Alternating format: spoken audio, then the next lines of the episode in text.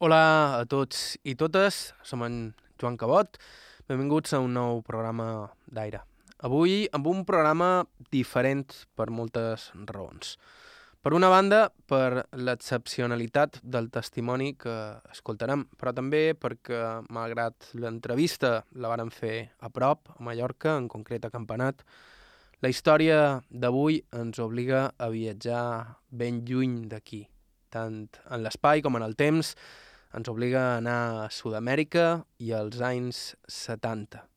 En tot cas, com han dit, eh, la nostra protagonista la vàrem trobar a Campanet, Mallorca, on viu des de fa anys. I, de fet, l'entrevistàrem pocs dies abans de que ella en fes 87. Bueno, no sé qué, qué contarte, porque mi vida es muy, muy, muy, muy larga y muy apretada. Aquesta és Matilde Artés, però ningú li diu Matilde, tothom la coneix com a Sasha. I malgrat digui que no sap què contar-me, la Sasha du a les esquenes el pes de bona part de la història i les tragèdies que varen sacsejar Amèrica Llatina durant la dècada dels 70. Els anys de les dictadures militars a bona part del con sud, els anys de les detencions indiscriminades, les tortures i les desaparicions.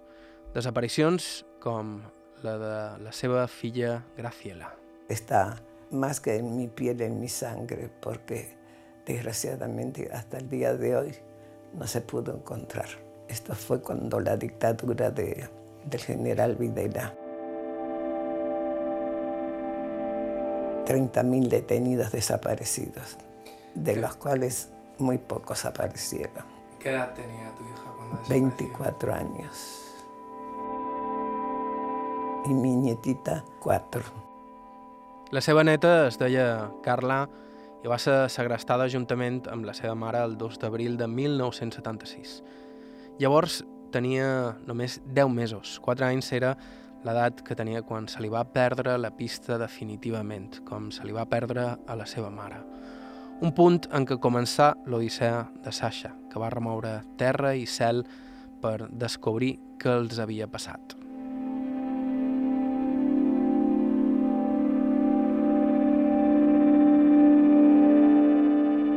Aquesta és la seva història i és una història increïble. Estau escoltant Aire a IB3. Ràdio us parla Joan Cabot. Començam.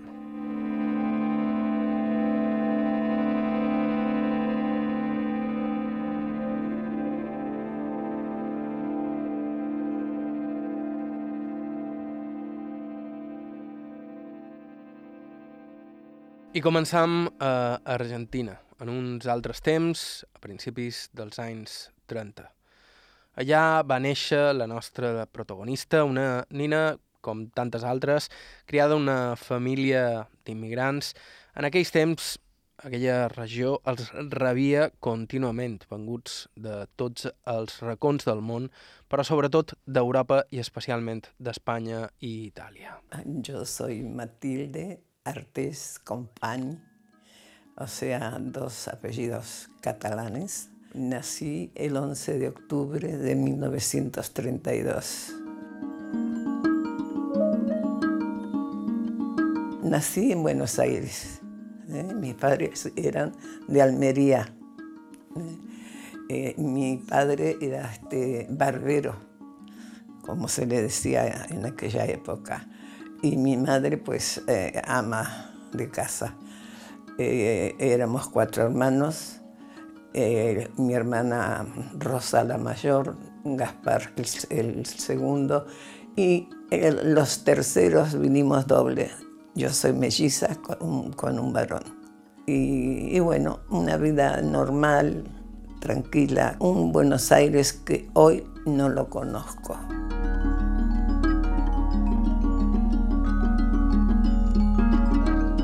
Mi, mi, infancia fue muy linda, eh, con, todavía con los sueños de, de, todo niño, que ahora ya no lo tienen tanto, ¿no? Los Reyes Magos. Los Reyes Magos en la, en la Argentina, más que nada por la, la herencia española que, que, que hay, hay, no en, Buenos Aires, en toda la República Argentina. Los Reyes Magos es sagrado. Y, bueno, pues no me faltaron juguetes, no me faltó cariño de mis padres. Fui muy buena alumna. Eh, mi hermano también era buen alumno, pero desgraciadamente un accidente que tuvo cuando tenía cuatro, o cinco años. Eh, le dejó mm, un mínimo de, malestar, de, poder concentrarse normal, porque después hizo la carrera de policía y todo eso y nunca tuvo problema. Pero bueno, le tocó morir y murió antes que yo.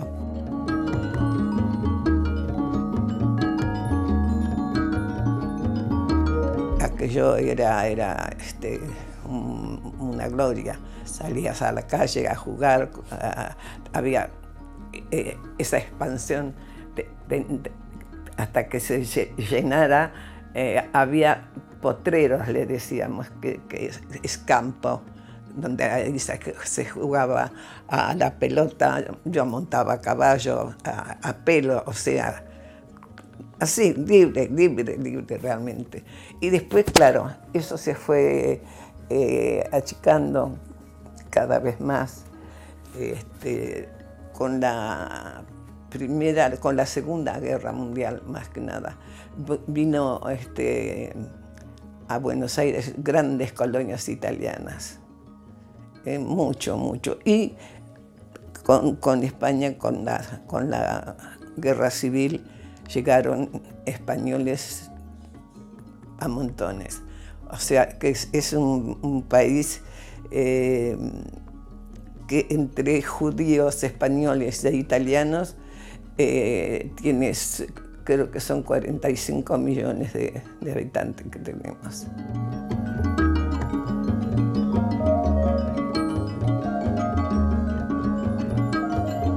asado criollo que siempre eh, era, vamos, los domingos de juntarse la familia y hacer un asado, una, parrillada de, pero de todo lo que se te ocurriera. Y se ponía eh, eh, un cordero también a asar, el cordero en cruz. y eso se dejaba para lo último. O sea, empezabas a las 10 de la mañana y estaba a las 10 de la, noche comiendo todavía, comiendo y, bebiendo.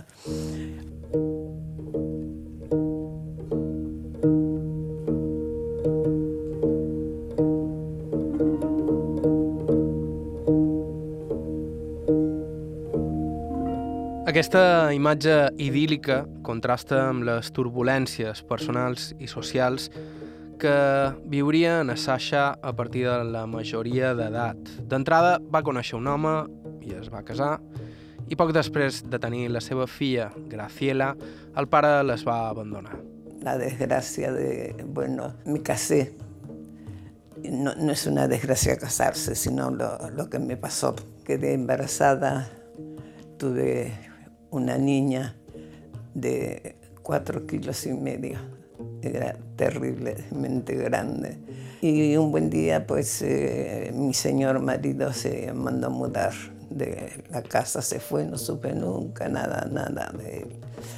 Eh, mientras esto, como gran paradoja, yo estaba en el hospital cuidando de su mamá. Mientras tanto, él aprovechó, sacó todas sus cosas, como yo no, no podía dejarla sola. A la madre aprovechó para para ser de, pirata.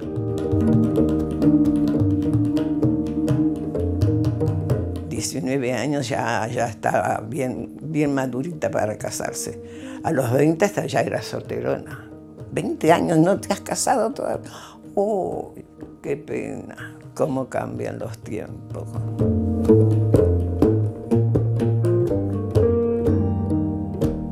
Tuve esta niña que creció, fue a la escuela, como todos, como todos los críos. Era muy, muy, muy vivaz, muy activa, eh, demasiado inteligente a veces, creo que cuando los chicos perciben las cosas, cuando uno cree que no, le mira a los ojos y te das cuenta de que ellos están sentados cuando tú vuelves eh, mirando y, y sin preguntar.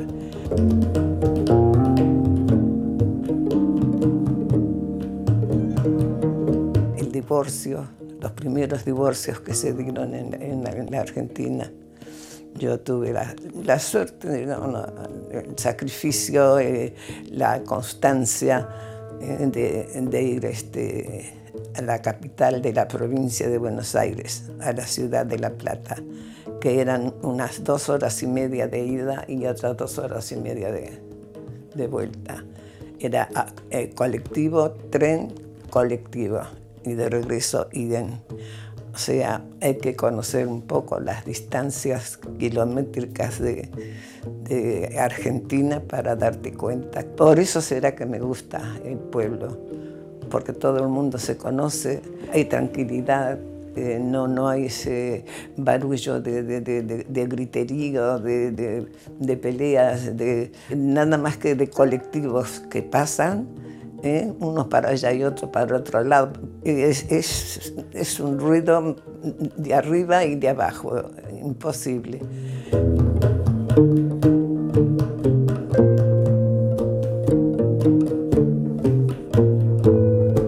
Me divorcié porque se fue este señor cuando yo volví a mi casa. Ya había dejado a mi nena, a mi madre, que, cuidara a, mi hija para yo cuidar a la madre de este señor. Y bueno, pues se iniciaron los, los juicios y eso fue todas las semanas, una vez a la semana, ir hasta la ciudad de La Plata, que es la capital de la provincia de Buenos Aires. Terrible.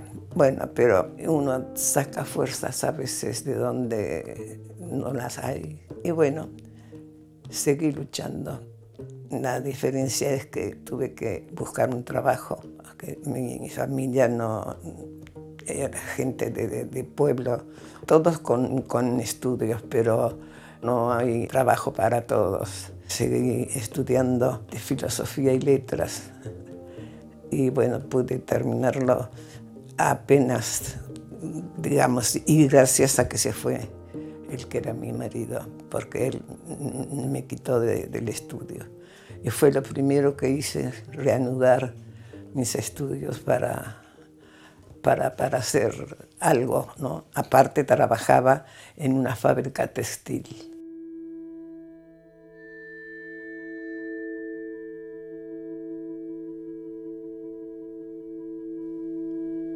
Però a més, tot això tenia lloc en un clima de convulsió política perpètua. Sud-amèrica es convertiria molt prest en el camp de jocs de la intel·ligència americana, que va impulsar l'Operació Còndor, un pla paranoic que pretenia acabar en qualsevol moviment d'esquerres en el continent i que va acabar resultant en la proliferació de dictadures militars, un país rere l'altre fins que els militars varen dominar totalment el consult.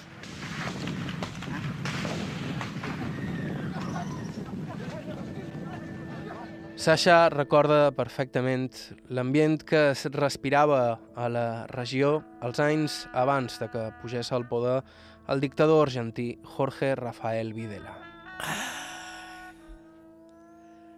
Terrible.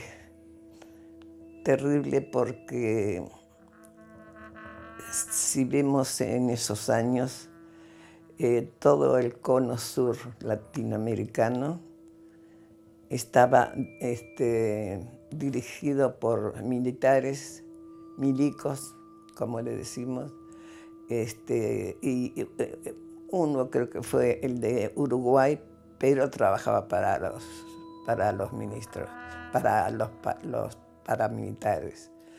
Eh, se, ahí intervino mucho Estados Unidos, eh, acapararon tierras, kilómetros de tierra, eh, e hicieron de las suyas, y amenazando la, una, una, guerra civil era constante, peleas de grupos empezaron la, la, la- la formación de, de nuevos este, partidos políticos.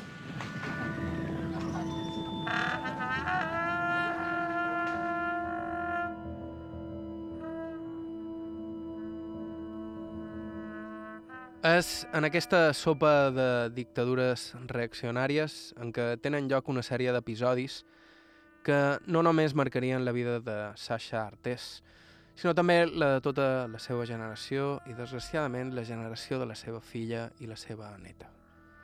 Estau escoltant Aire, això és IB3 Ràdio. Fem una breu pausa i continuem.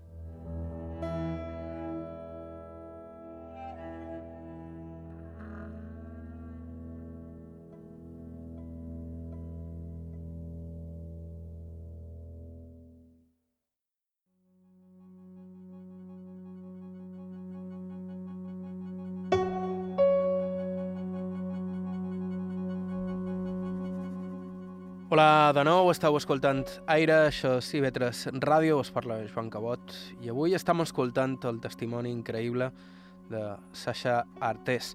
La Sasha fa anys que viu a Mallorca, de fet, la seva primera besneta va néixer a l'illa, però ella es va criar en un món completament diferent, a mils de quilòmetres de distància d'aquí, l'Argentina de la segona meitat del segle XX. Un país i una regió que viurien ben prest els seus anys més convulsos. I Sasha Artés, aquests moviments tectònics, instigats per la psicosi anticomunista americana, la colpejarien de pla. Les forces que donarien el cop tenien un nom, Operació Còndor. Per uns, Junta Revolucionària pels altres. Se formó lo que se llamó la Junta Revolucionaria. Estaba compuesta por Argentina, Uruguay, Paraguay, Chile y Bolivia. No llegó hasta Venezuela, ahí se paró, pero todos eran militares, juntas militares. Veías el mapa de América Latina completament infestat, el que significava que no hi havia escapatòria. No servia de gaire sortir d'un país, perquè el país veí governaven els aliats de qui t'havia fet fugir.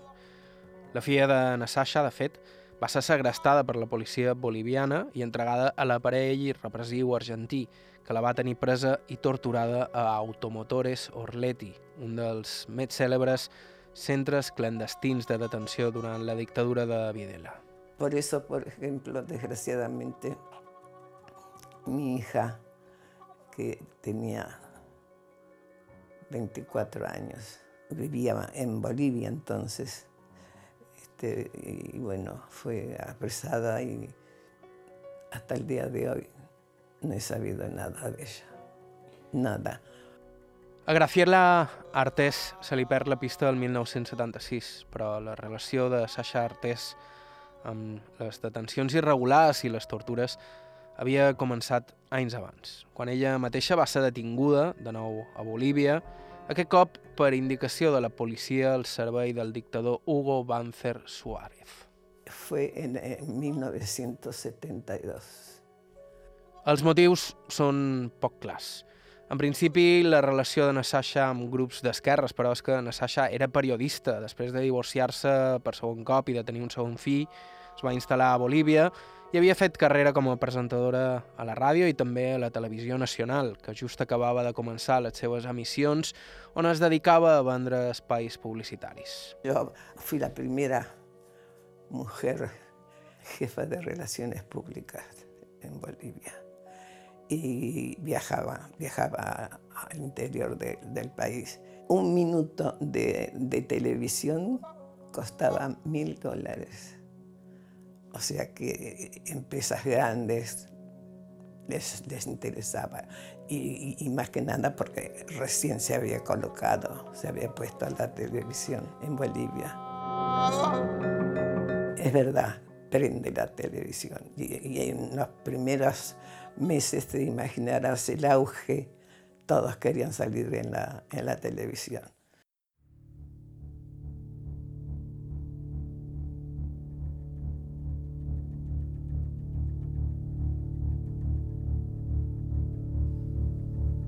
Aquell matí havia començat com tants altres. La clàssica rutina de qualsevol família en una zona acomodada de la capital, La Paz. Estaba en mi casa con mis dos hijos y golpean la puerta. Aunque cosa bien curiosa, nosotros teníamos un chalecito frente al, al jardín botánico y nos llamaba la atención porque mi, hija estudiaba y venía, a veces salía tarde de, de, de, la universidad y veíamos cosas raras. Estaba lloviendo y frente a mi casa había árboles y te encontrabas con un señor vestido de azul lloviendo de noche y leyendo. La cosa más ridícula, más eh, eh, inoperante, porque había que ser más que estúpidos para darse cuenta que ese tipo estaba mirando qué, qué era lo que estaba mirando.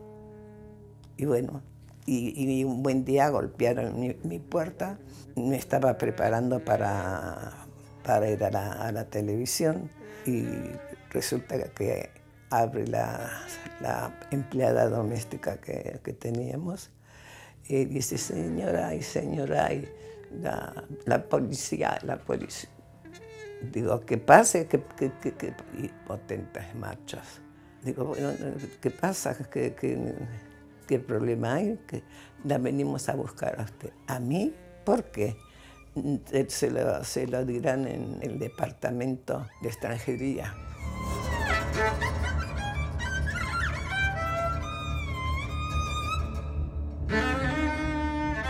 Y, y, bueno, me llevaron, yo sin saber nada, por qué. Mis hijos estaban en casa, pobre, menudo susto. Pero bueno, se quedaron tranquilos. Llamaron a, a, la abogada que teníamos siempre, que era de la, de la Embajada Argentina. Y bueno, llegué a, al lugar este y lo primero que hacen me meten adentro hay una reja enorme que tapa la diferencia de donde están los presos. Hombres de este lado. De este lado, mamás con sus cholitas, las, las indecitas, dándole la teta a sus guaguas, le llaman ellos. Y a mí donde me, me iba a, a llevar, a, dónde me iban a meter. Incluso eh, empecé a atar mi nombre, se veía, y empecé a gritar mi nombre para, para que la gente supiera que, que, que, me estaban llevando a un lugar que yo desconocía. Y ahí apareció un canalla miserable, miserable, que me, me pegó y yo también le di. O sea, no me quedé quieta, le devolví, pero resulta que, lógico, criminales, gente acostumbrada a la tortura, a hacer la tortura, me cogieron del brazo, lo, lo, torcieron y después me pusieron la rodilla en la zona lumbar.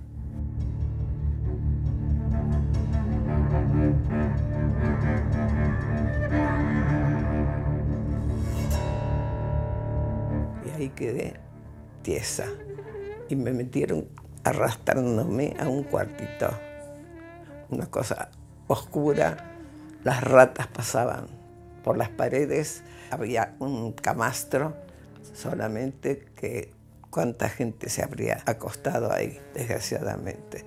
No había urinario, no, no, nada, nada. Y una puerta así de ancha, una cosa terrible, que los gritos tuyos no salían. Y como respiradero había arriba del techo unas rejillas. Por ahí salía el aire.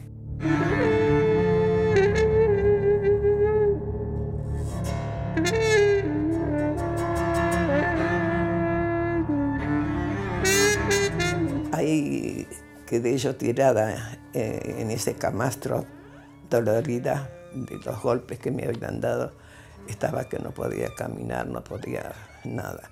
Y yo seguía gritando, gritando que quería ir al baño, que me sacaran, que, que, que, que bueno, gritar, sentirme viva incluso. Y entonces venían una vez al día otras mujeres presas. Una de ellas la mandaban a que me llevara a mí al, baño.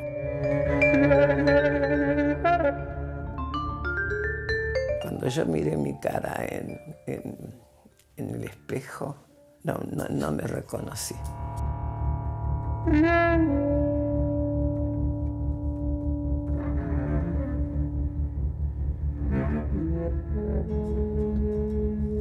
De la paliza que me dieron, me rompieron 14 piezas dentarias.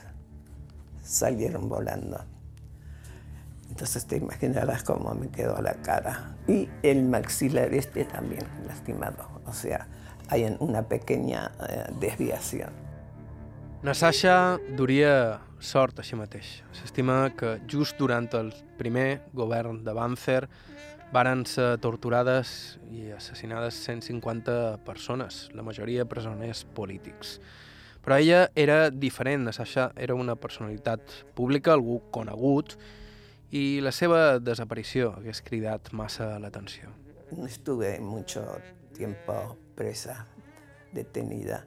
Primero porque yo trabajaba en la, en la radio, era, era locutora, y inauguré la, la, la televisión todos los domingos de las 10 de, de, la mañana hasta las 2 de, de, la tarde. Te imaginas que todo el mundo veía la televisión, este, no en la casa, en, en las vitrinas de algún comercio grande que tenía la, la televisión puesta, porque tardó bastante en que la gente se pudiera comprar realmente una, una televisión. Pero yo había hecho también teatro, era reconocida. Y eso, eso dijo la, la cónsul argentina, que era la abogada que me sacó de allí.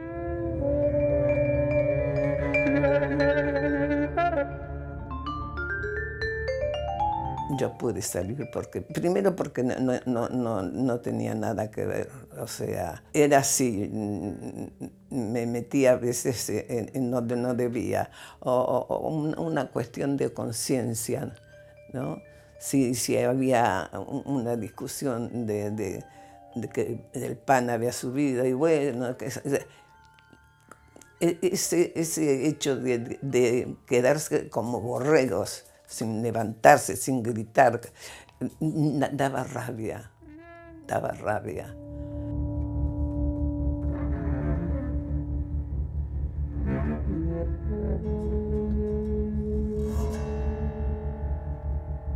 Me sacaron con un coche totalmente cerrado, eh, fuimos a buscar a, a mis hijos con dos maletas, todo lo que era la casa quedó reducida a dos, dos maletas. Y en el aeropuerto estaba un gendarme muy, muy importante, había sido alcalde de, de la ciudad de La Paz. Se acercó y me dijo, qué pena señora.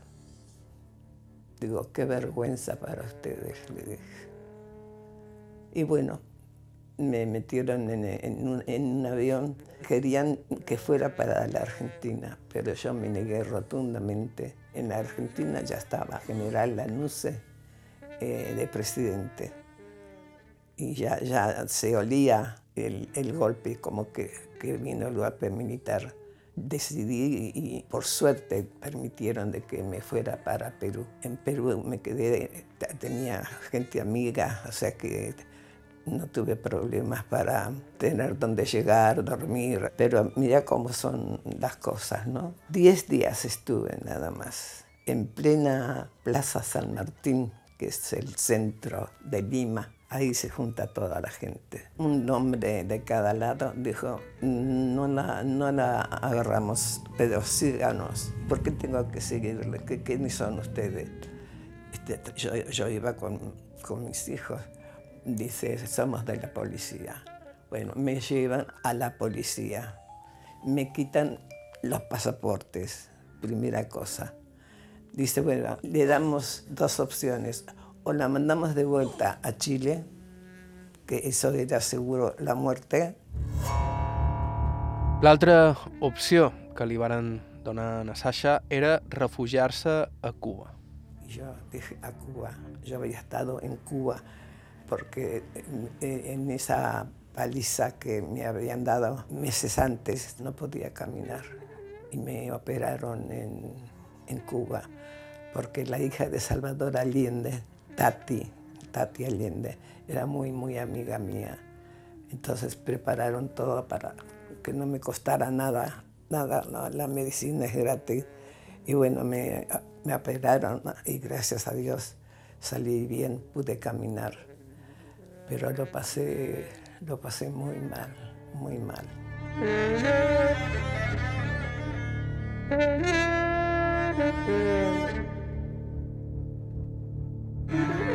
Estuve viviendo cinco años en Cuba. No me quejo porque realmente me atendieron muy bien, muy bien. Es un pueblo muy solidario y la medicina gratis. Estuve, me hicieron la operación porque justo en la Plaza de Armas en Chile caigo redonda, ¡pum!, al suelo. ¿Qué pasa? ¿Qué pasa? me llevan en un coche este, a la casa donde estaba viviendo con unos amigos y, y apenas si podía mover las piernas. Y es cuando decide Tati Allende te mandamos para La Habana y allá veremos qué, qué pasa. Me dejaron paralítica. Al meterme la rodilla en la zona lumbar, ¿eh? habían sacado una, una hernia que había corrido la columna vertebral y tengo dos hernias pequeñas en la espalda, una cerca del cuello y la otra a mitad, que esas las dejaron porque eran pequeñas y la grande, sí, una, una hernia voluminosa. Baldada per les tortures en dos fills i sense doblers, Sachartes va trobar a Cuba un lloc on recuperar les forces. Malauradament, l'operació Còndor encara no havia acabat ni amb ella ni amb la seva família. Estau escoltant Aire a IB3 Ràdio. Fem una breu pausa i continuem.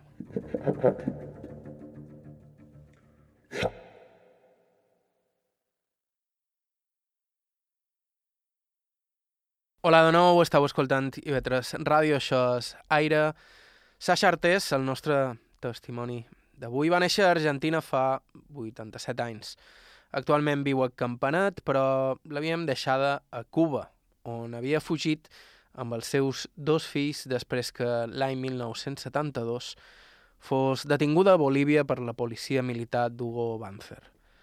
A l'illa hi estaria cinc anys, mentre es recuperava de les seqüeles de les tortures que havia patit. Tuve que estar más tiempo del que yo hubiera querido pero tenía eh, masajes, atención de, de, de, la medicación, un montón de, de, beneficios realmente que jo no me lo podia permitir. Aquell temps, però, va ser massa per la seva filla gran, la Graciela, que va decidir abandonar la seguretat de Cuba per tornar primer a Argentina i després a Bolívia, on la família acabava de fugir per motius polítics. Cinco años era mucho porque mi hija decidió irse, no quería quedarse allá, quería ver a la, la familia toda en Buenos Aires. Se fue y no la volví a ver más a mi, a mi hija.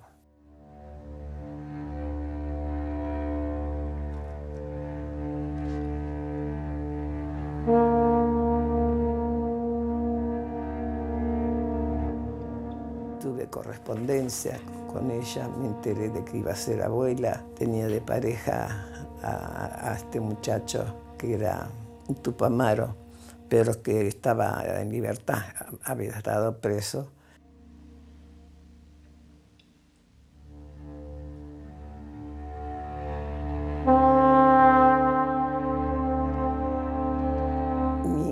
imagínate, estaba con sus estudios. A Bolivia no podía regresar, pero entonces decide irse para, para la Argentina. Mamá, yo me voy para allá y traje todos los, papeles de, de, de, estudio para poder este, ingresar en alguna de las universidades. Efectivamente hizo eso. Y allá conoció a un muchacho que en su época había sido Tupamaro. Bueno, se juntaron, se querían muchísimo, se quedó embarazada mi hija y me hacen abuela.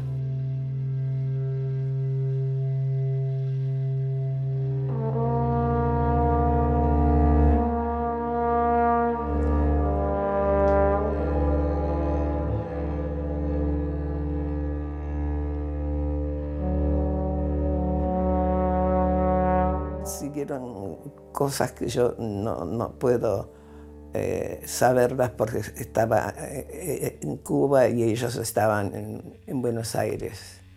Graciela, la seva filla Carla i el seu home, Enrique Lucas López, abandonaren Argentina i s'instal·laren de nou a Bolívia.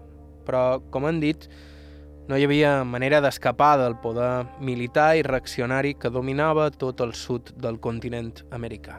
Pasan a Bolivia. Mi hija creía de que pasado ya tanto tiempo podía recuperar algunas cosas de lo que había en mi casa, cuadros importantes, eh, una biblioteca que, que para qué decir, y yo pidiendo de, de, salir.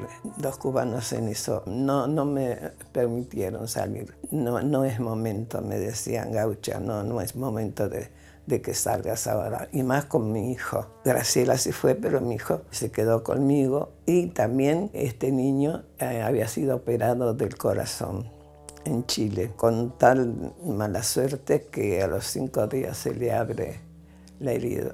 Tiene una, una infección que la, la, la cogen en, en, el, en el quirófano y bueno, en, en Cuba hicieron lo indecible, porque en Chile ya no había nada. Tenía una agujero así, se le veía al esternón.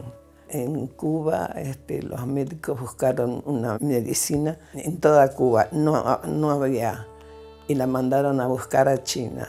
12 aplicaciones que le hicieron de inyección a mi hijo, se le cerró la herida y nunca más tuvo problemas.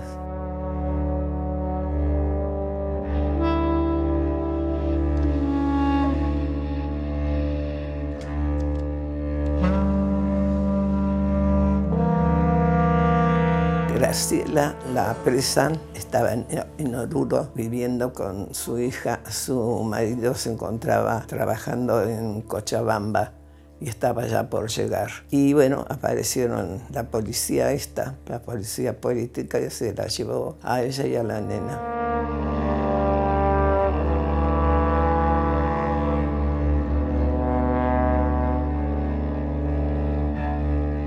Y se la llevan estaba viviendo en Oruro y se la llevan a La Paz. Y ahí en, entra la, la AAA, que era una banda paramilitar que hacía las peores cosas que, que no se atrevía a hacer los milicos, las hacían ellos. Entonces, bueno, ahí fue cuando yo ya eh, exigí, exigí volver por lo menos a Chile, estar, estar cerca para ver qué cosas podríamos hacer. Y, bueno, efectivamente me dejaron volver a, Chile, pero mi, mi, hijo tenía que quedarse todavía para terminar sus, estudios primarios, con mucha mucha angustia, con mucho dolor, nos despedimos porque por lo menos ahí sabía que estaba seguro que ahí no, no le iba a, pasar nada ni faltar nada. Pero bueno, es tremendo despedirse de, de un hijo.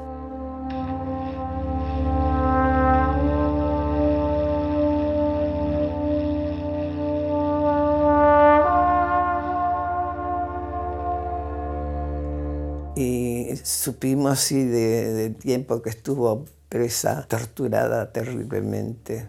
Utilizaban a la beba para que ella hablara, para, para torturarla. La cogían a la pequeñita que tenía, 10 meses tenía.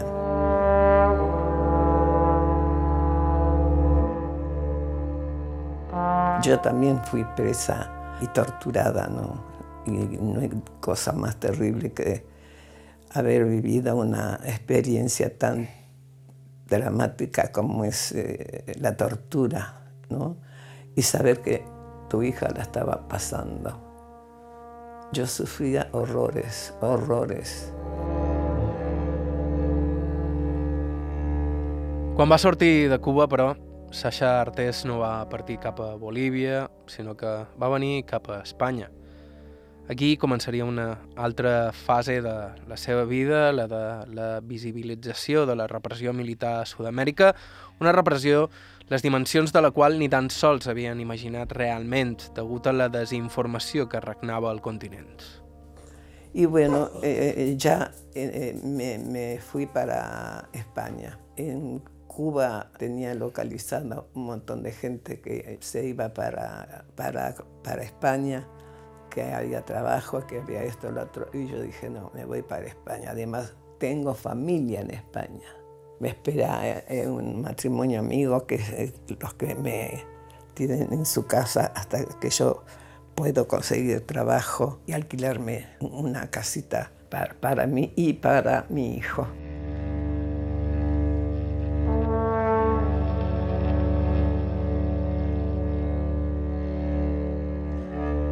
Cuando llego ahí es cuando sé la verdad de la verdad, porque en Cuba nunca me dijeron en realidad qué, era lo que estaba pasando. De, las desapariciones no, se hablaba, ¿viste? Entonces, cuando llegas a, a, España, lee los periódicos que te dé la gana ¿eh? y, puedes cotejar. Ahí lloré, lloré vas a, organismos como Amnistía Internacional, que me protegió también.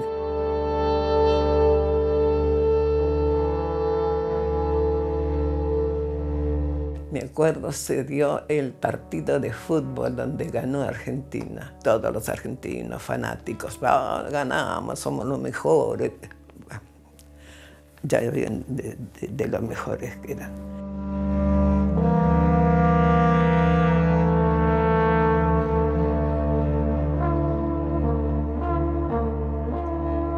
Empiezo a, entrar en contacto con gente que tiene la misma situación y se empieza a hablar de los desaparecidos. Y bueno, logramos formar eh, eh, los familiares que tenían la misma situación, o el hijo, o el marido, o, el hermano, eh, desaparecidos, y, nadie sabía dónde. Formamos una comisión este, para poder tener eh, voz en instituciones importantes. Eh, acá en España todas, incluso con, con la presidencia. Bueno, a mí me hicieron presidenta, viajé bastante para contar dar a conocer eh, lo, que, lo que pasaba, porque estaba muy, muy, muy silenciado lo que pasaba en la Argentina. El, el fútbol había tapado todo. En Francia se sabía que habían desaparecido dos, monjitas francesas con la primera presidenta de, madres. A las tres las hicieron desaparecer.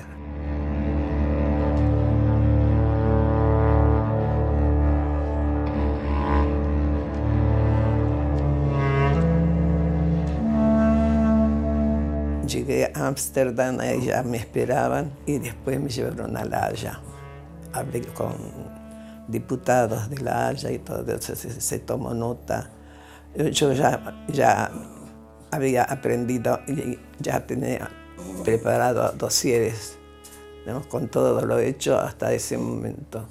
Entregaba dossier para no, no darle la charla, en cambio teniendo la, la documentación así.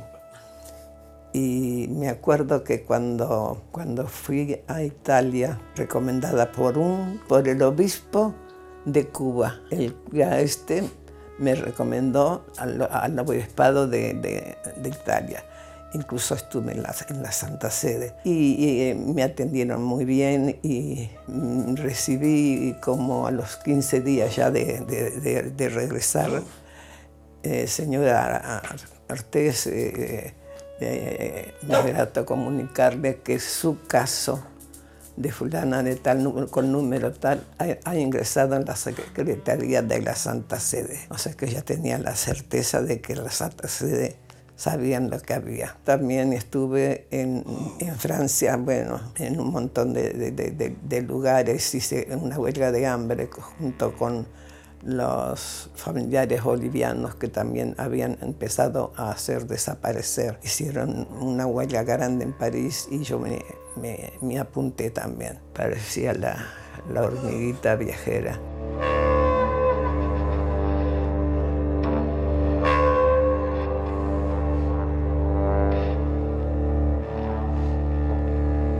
Salí por, por una semana y tardé cinco meses en regresar a España. Fui, fui eh, haciendo ese aprendizaje tan, tan terrible, ¿no? de saber que, que, no estás sola, que desgraciadamente hay otra gente que tiene también su hijo, su hija, su marido, su, su esposa desaparecidos.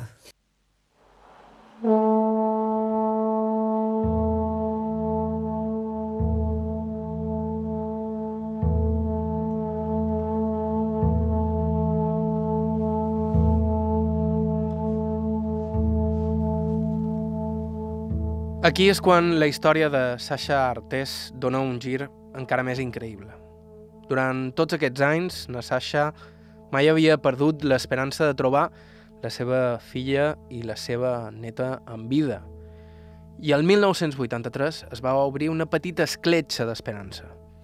Les abuelas de la plaça de Mayo havien localitzat la neta. La Clara que només tenia 10 mesos quan va desaparèixer i la seva mare va ser detinguda.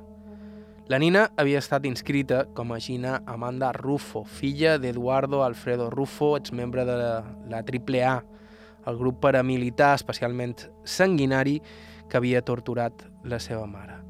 La seva dona, Armanda Cordero, havia estat operada anys abans i no podia tenir fills biològics. Així tot, convivia amb dos infants, un nin i una nina. Quan varen ser capturats, finalment, el 1985, les proves d'ADN varen confirmar que es tractava de Carla Graciela Rutilo Artés. Aquesta és Carla Rutilo Artés, entrevistada en un programa de televisió pública argentina el 2012, explicant com va retrobar-se amb la seva padrina Sasha. Y mi abuela había arribado a Argentina en el 84 pues, a buscar a su hija y a su nieta y iba con la fotito mía de chiquita y con la de mi mamá en el pecho. Y aparecían todos los medios de comunicación pues, con esa foto de Graciela, 24 años desaparecida, Carlita, 9 meses desaparecida. Y claro, muy curiosa porque a mí me reconocí. Primero me dijeron que era una bruja que me estaba buscando para sacarme la sangre y después una paliza pero tremenda para que no volviera a preguntar absolutamente nada. El juez nos presenta y dice, bueno, pues eh, Carlita, esta es tu abuela. Y mi abuela dice, bueno, sí, Carlita, soy tu abuela y hace nueve años que te busco, mi amor. Entonces abre el poncho y no sé si fue instintivo el hecho de, poner la cabeza apoyada y abrazarnos, ¿no? Y estuvimos pues como 10, 15 minutos y, y el hecho de ese abrazo solamente en ese momento fue restituirme todo el amor que me habían robado.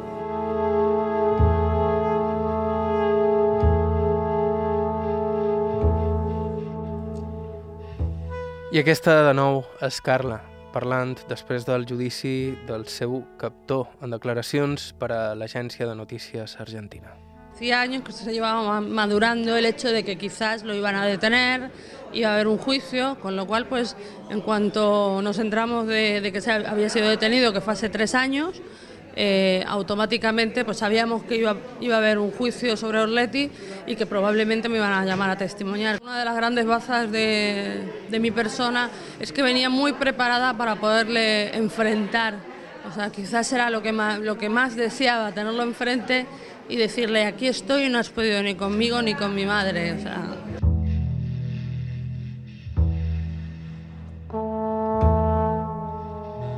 Carla Rutilo Artés va morir el 24 de febrer de 2017 després d'un càncer. Va ser enterrada a Argentina i encara no ha estat derrotada. Carla, Carla, Carlita.